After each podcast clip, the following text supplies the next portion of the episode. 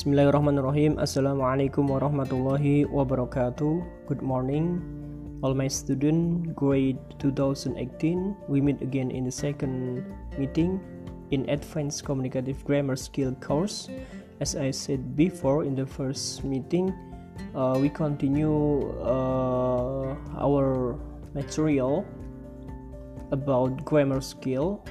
Okay, to the point directly. Uh, this course aims to develop students' grammatical skill as a basic in mastering English language. It consists of some chapters in real. Learning will be in the form of lecturing, quizzes, and exercise. Application used in lecturing comprise Wax, WhatsApp group, Google Classroom, Kahoot, etc. And the topics will be learned uh, in the next meeting in the 12 meeting first is determiner and noun and the number two is pronoun number three complex and compound complex sentence and then clause there are three clauses adjective clause noun clause and adverbial clause. And then the five the fifth is conditional sentence and then parallelism verb and then the verbal participle gerund and to infinitive and then adjective and adverb and then invert inverted subject and the last is passive voice okay so uh, we start in the first topics uh, that is determiner and noun. Okay to the point directly uh, determiner words modifying noun such as articles kata sandang and then demonstrative pronoun kata tunjuk and possessive adjective kepemilikan. Jadi topik yang akan kita bahas pertama di pertemuan kedua ini adalah determiner and noun. Dalam bahasa Indonesia, determiner itu ibarat penentu. Uh, more specific, make a noun more specific. Jadi penentu sebuah kata agar kata itu menjadi spesifik dengan determiner. Jadi determiner dalam bahasa Inggris itu ada tiga articles, kata sandang, demonstrative pronoun, kata tunjuk, and then possessive adjective. Uh, kita bahas satu persatu. Pertama adalah articles, kata sandang. There are two articles, definite articles and indefinite article. Jadi ada kata sandang tentu dan tidak tentu. Oke, satu persatu kita akan bahas. Yang pertama adalah indefinite article. Jadi ada artikel yang tidak tentu dalam arti ketika kata benda dimasuki artikel ini, uh, kata benda itu masih bersifat umum karena masih baru pertama kali dibicarakan atau diutarakan. Ada dua, a and n. The form a is used before a word beginning with a consonant or a vowel with a consonant sound. Jadi bentuk a, uh, a itu digunakan sebelum kata yang dimulai dengan konsonan. Lawannya dari vowel. Jadi konsonan itu huruf mati. Maka ketika ada dimulai dengan huruf mati maka harus dimasuki dengan a, bukan an ya atau a vowel with a consonant sound atau bisa kata vokal tetapi uh, dengan bunyi konsonan.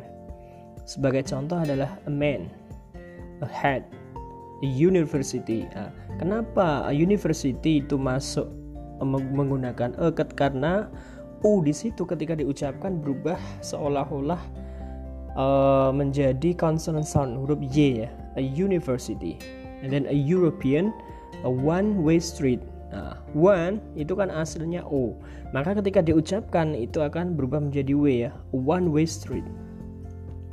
And then next slide, uh, the form n is used before words beginning with a vowel a, e, i, o, u, or words beginning with a mute h. For example, an apple, an island, an ankle, an age, an union, and hours. Uh, jadi untuk penggunaan n itu digunakan sebelum kata yang dimulai dengan huruf vokal a, i, u, e, o kalau dalam bahasa Indonesia. Atau kata yang dimulai dengan uh, apa bunyi age ya. Seperti tadi an hours ya. H di situ berubah menjadi vokal ya vowel an hours. Oke. Saya kira ini sudah dibahas di basic grammatical atau pre-intermediate. Secara sekilas saya ulang kembali. And then the use of a rn jadi uh, next next slide itu uh, membahas tentang penggunaan dari artikel kata sandang a dan n before a singular noun which is countable, of which there is more than one, when it is mentioned for the first time and represent no particular person or things. For example, I need a visa, they live in a flat, he bought an ice cream. Penggunaan a or an. Jadi satu adalah sebelum kata benda singular ya, jelas. Karena kalau ketika sebelum kata benda jamak itu tidak bisa, harus dibuang kata sandangnya. Yang pasti singular noun yang dapat dihitung, countable ya, kata benda yang dapat dihitung. Bagaimana dengan kata benda yang tidak dapat dihitung? Maka tidak bisa dimasuki a or an. Okay, and then next the use of a or an number 2. Nah, uh, nomor 2 with a noun complement dengan pelengkap kata benda. This includes names of profession ya. Yang kedua, pelengkap kata benda. Contohnya, it was an earthquake. She will be a dancer. He is an actor. Jadi dia uh, masuk ke dalam pelengkap kata benda. Semisal nomor uh, pertama itu it itu sebagai subjek, was itu sebagai verb, and objeknya pelengkapnya adalah earthquake. Maka an di sini masuk sebagai pelengkap dari noun tersebut. Makanya fungsinya seperti itu. Fungsi yang ketiga in certain expression of quantity. Untuk ekspresi tertentu jadi kuantitas. Seperti a lot of a couple a great many a dozen. But one dozen is also possible. Jadi one dozen bisa juga mungkin digunakan not a, a dozen but one dozen juga bisa a great deal of dan sebagainya. Kegunaan nomor 4 itu with with certain numbers untuk penamaan atau di depan uh, apa penama, no, penomoran ya. Uh, contohnya a hundred, a thousand, a million, a kilo, etc. Nomor 5 in exclamation before singular countable noun. Uh, di dalam kata seru ya sebelum singular kata benda yang dapat dihitung. Semisal such a long queue what a pretty girl. Uh, biasanya ini untuk menunjukkan apa surprising ya atau uh, betapa cantiknya perempuan itu. Biasanya uh, sebelum pretty girl di situ ada oh di situ penggunaannya Oke, okay, penggunaan nomor 6 itu sebagai can be placed before Mr, Mrs, Miss uh, plus surname ya. Bisa digunakan ditempatkan sebelum Mr, Mrs, Miss ya. Plus nama. Semisal a Mr Smith or a Mrs Smith. Jadi bisa di depan nama kita. Sekarang uh, omission of uh, RN pembuangan kapan on itu dibuang atau tidak digunakan dalam di depan kata benda kapan. Pertama adalah before plural nouns, sebelum kata benda jamak. Maka ketika kata benda itu jamak, on dibuang. For example, uh, ketika kita uh, menunjukkan sebagai, sebagai contoh saya tunjukkan uh, ketika mengatakan anjing-anjing banyak maka bukan a dogs tapi langsung dogs ya. N-nya dibuang. Atau telur-telur misal. Eggs n-nya dibuang. Not an egg but eggs nomor dua itu sebelum kata benda yang tidak dapat dihitung. A music, a sugar, a sand, etc. Maka n-nya dibuang, nggak boleh. A sugar, a rice, maka nggak boleh saya makan nasi bahasa Inggrisnya I eat rice nggak boleh. E nya dibuang langsung. I eat rice. Nomor tiga pembuangannya uh, before names of meals except when these are preceded by an adjective. Di sebelum uh, sebelum nama dari uh, sebuah makanan ya. Kecuali ketika kita menunjukkan sebuah adjektif di depan itu sebuah ada adjektif maka boleh. Semisal contohnya adalah we have breakfast at egg maka di sini tidak boleh di depan breakfast itu ada kata sandang ketika breakfast itu disifati lagi dengan kata sifat maka boleh dibubui a contohnya he gave us a good breakfast Oke, okay, uh, next slide. Describing people and things with a or an. Menggambarkan orang atau sesuatu dengan kata sandang a atau an. Yang pertama, we use some word as adjective or nouns when we want to describe people. Kita menggunakan beberapa kata sebagai adjektif atau kata benda ketika kita menginginkan untuk menggambarkan seseorang. Contohnya, she is American. Dia itu seorang atau berbangsa Amerika or she is an American. Bedanya apa? Bisa dua-duanya digunakan. Kalau pertama tadi, kalau adjektif jelas tidak boleh dibubui a or an karena kata sandang itu hanya masuk kepada kata benda. Maka untuk contoh pertama, a or an-nya dibuang langsung she is American. Kalau menunjukkan kata benda, maka dia harus ditambahi an. She is an American. Number two, we use some words only as countable nouns, people or things. Kita gunakan berakata hanya untuk kata benda yang dapat dihitung. Orang ataupun sesuatu. Contohnya, he is a doctor. Dia adalah seorang dokter. He is an actor. Dia adalah seorang aktor. Oke, okay, next nomor tiga adalah we can use uh, or an in front of proper nouns ya. Contohnya, he is a Forsyth a member of the Forsyth family. Dia itu uh, uh, anggota Forsyth ya, ada anggota keluarga Forsyth itu nama ras ya kayak nama keluarga. It is a Dickens novel, itu adalah sebuah literatur atau seni ya. It is a Dickens novel. Maka oh di situ uh, bisa digunakan. And then next definite article yang kedua kata sandang tentu ya. Jadi ini hanya satu yang digunakan adalah the. Jadi ada indefinite sama definite article. Kalau definite article itu yang sudah pasti ya, itu berfungsi untuk menunjukkan kata benda itu lebih spesifik, maka menggunakan the. The makes noun become more specific. The can be used in either countable or uncountable noun. Jadi penggunaan the itu bisa digunakan baik uh, untuk kata benda yang dapat dihitung ataupun kata benda yang tidak dapat dihitung. Kalau a or an tadi hanya bisa untuk kata benda yang dapat dihitung saja. Contohnya I have a car. Jadi kata sandang a or an itu digunakan ketika kita baru pertama mengucapkan atau baru pertama kita mengetahui sesuatu. Semisal ini, I have a car. Saya mempunyai sebuah mobil.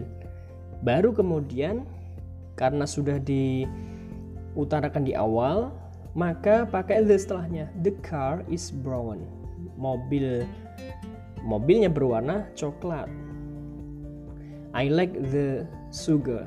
Uh, the di sini bisa masuk ke uncountable nouns like sugar uh, and then uh, the other example my hobby is is listening the music music the masuk di uh, uncountable noun like music okay and then the next determiner adalah demonstrative pronoun ya kata tunjuk kalau dalam bahasa Arab kita kenal dengan hadza, hadhihi, tilka, dzalika.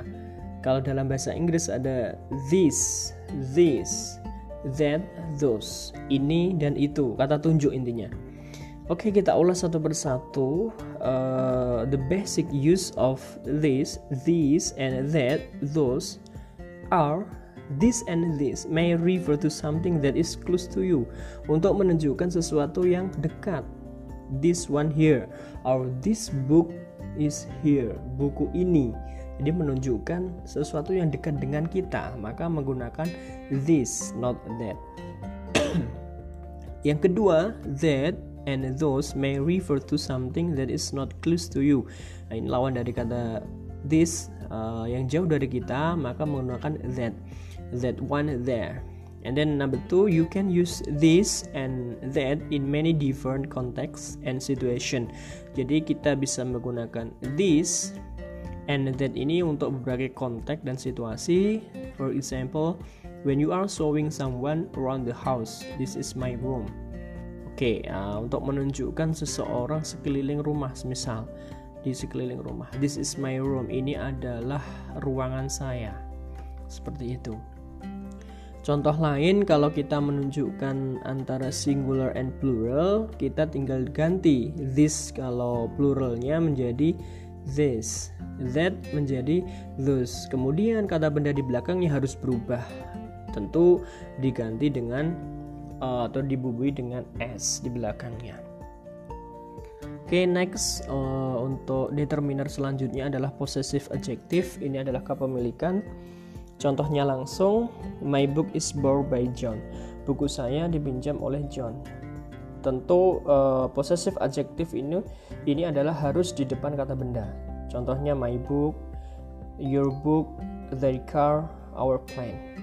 Ini sangat sederhana ya materi ini untuk possessive adjective tentu ini di SD pun sudah diajarkan ya dari SD. Oke, saya lanjut aja. Uh, untuk materi kedua adalah noun. Oke, untuk determiner saya rasa sudah selesai. Kita lanjut ke noun. Kata benda atau istilahnya dalam bahasa Arab itu adalah isim. Oke, uh, some nouns have the same form as verb. Jadi ada beberapa kata benda yang mempunyai bentuk yang sama seperti kata kerja. Contohnya di situ age, x, uh, attempt, blame, book, call, copy, cause, dance, fall, fear, help, joke, kiss, luck, try, food, wait, walk, wash, wish. Nah, semua itu uh, kata kerja, tapi punya keberikan dengan kata benda. Bisa digunakan untuk kata benda ataupun kata kerja. Yang kedua, uh, typical endings which make nouns from jadi ada tipik uh, ciri-ciri uh, uh, akhiran kata itu yang menunjukkan kata benda.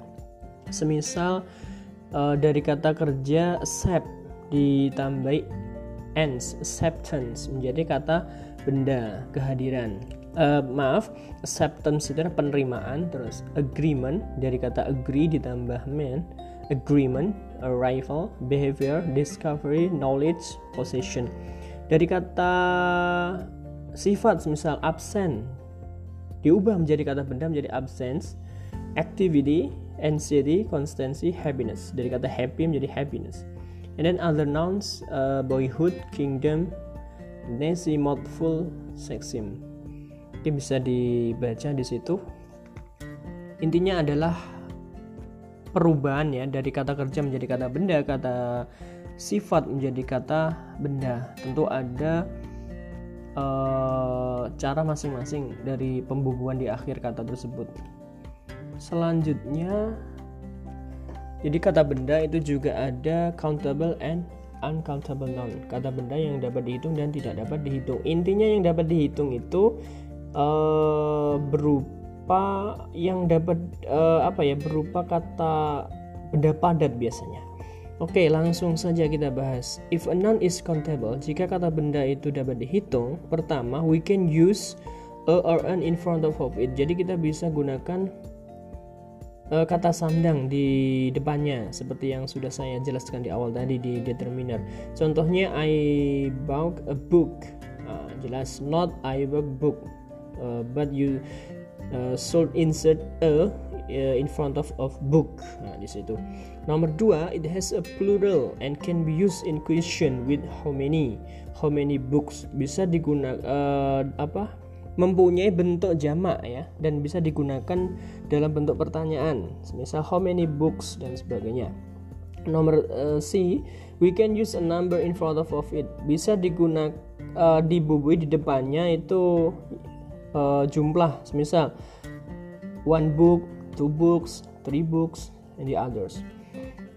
Nomor dua, if a noun is uncountable, jika kata benda itu tidak dapat dihitung, maka we do not normally use a, a or an in front of it. Maka tidak bisa secara normal itu tidak bisa dibubui a or an ya. Semisal I bought some bread. Tidak boleh uh, I bought uh, bread karena bread di situ uh, tidak dapat dihitung maka harus dibubui yang lainnya biasanya some any lot of dan lainnya. Oke lanjut saja. Ini mungkin sudah paham kalian.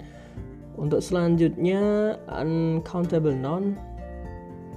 Ini ada beberapa kata yang menunjukkan kata benda yang tidak dapat dihitung. Oil minyak sugar sand soap soup rice milk water bread, meat, money, gold, salt, homework, fuel, beef. Jadi untuk homework pekerjaan rumah itu tidak dapat dihitung ya. And then abstract noun, kata benda yang abstrak yang tidak dapat diraba disentuh tapi hanya dibayangkan adalah advice, beauty, silence, failure, love, love, mercy, belief. And then collective nouns, ada kata benda yang kolektif, kelompok. Contohnya group, government, committee, team, herd, class, jury, family, audience, crew, staff, etc. And then compound nouns, jadi ada kata benda compound.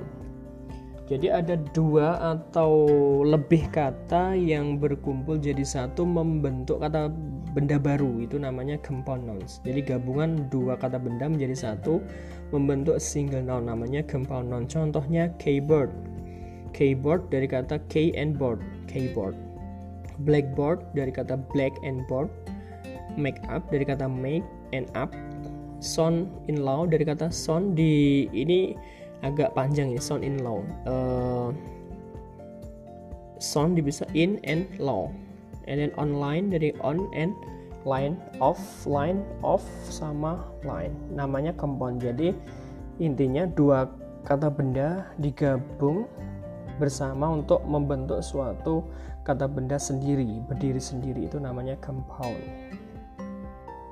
and then uh, the next irregular noun when plural form. Jadi ada kata benda yang tidak beraturan ketika jamak. Biasanya kata benda yang di, uh, dijamakkan itu ditambah s di belakangnya. Kalau ini tidak ini pengecualian contohnya child menjadi children food menjadi feed man menjadi men women women menjadi women tooth menjadi teeth goose, geese, leaf, leaves, knife, knives, calf, calves, mouse, mice, ox, oxen, person, people. Kadang uh, untuk person itu untuk menunjukkan jamak itu ada yang berpendapat ditambah s juga ada persons bukan people. Tapi pada umumnya formalnya kita menggunakan people untuk menunjukkan orang-orang Oke, untuk kesimpulannya, untuk noun itu fungsi dari noun itu ada empat. Saya simpulkan. Pertama, as a subject of sentences untuk sebagai subjek dari sebuah kalimat. Yang kedua, as an object of sentences sebagai objek dari kalimat. Number three is as an object of preposisi. Jadi sebagai objek dari preposisi Terakhir, as actor who act something jelas sebagai pelaku yang bertindak melakukan suatu pekerjaan. Intinya seperti itu. Saya rasa uh, I think enough for my explanation about determiner and noun. Jadi untuk pertemuan kedua hanya ini, nanti selebihnya saya kasih langsung saja latihan karena tidak mungkin kalau belajar grammar itu saya hanya ceramah di sini pemaparan teori aja tanpa uh, latihan. Oke, okay, saya akhiri. Thank you very much for coming today. Assalamualaikum warahmatullahi wabarakatuh.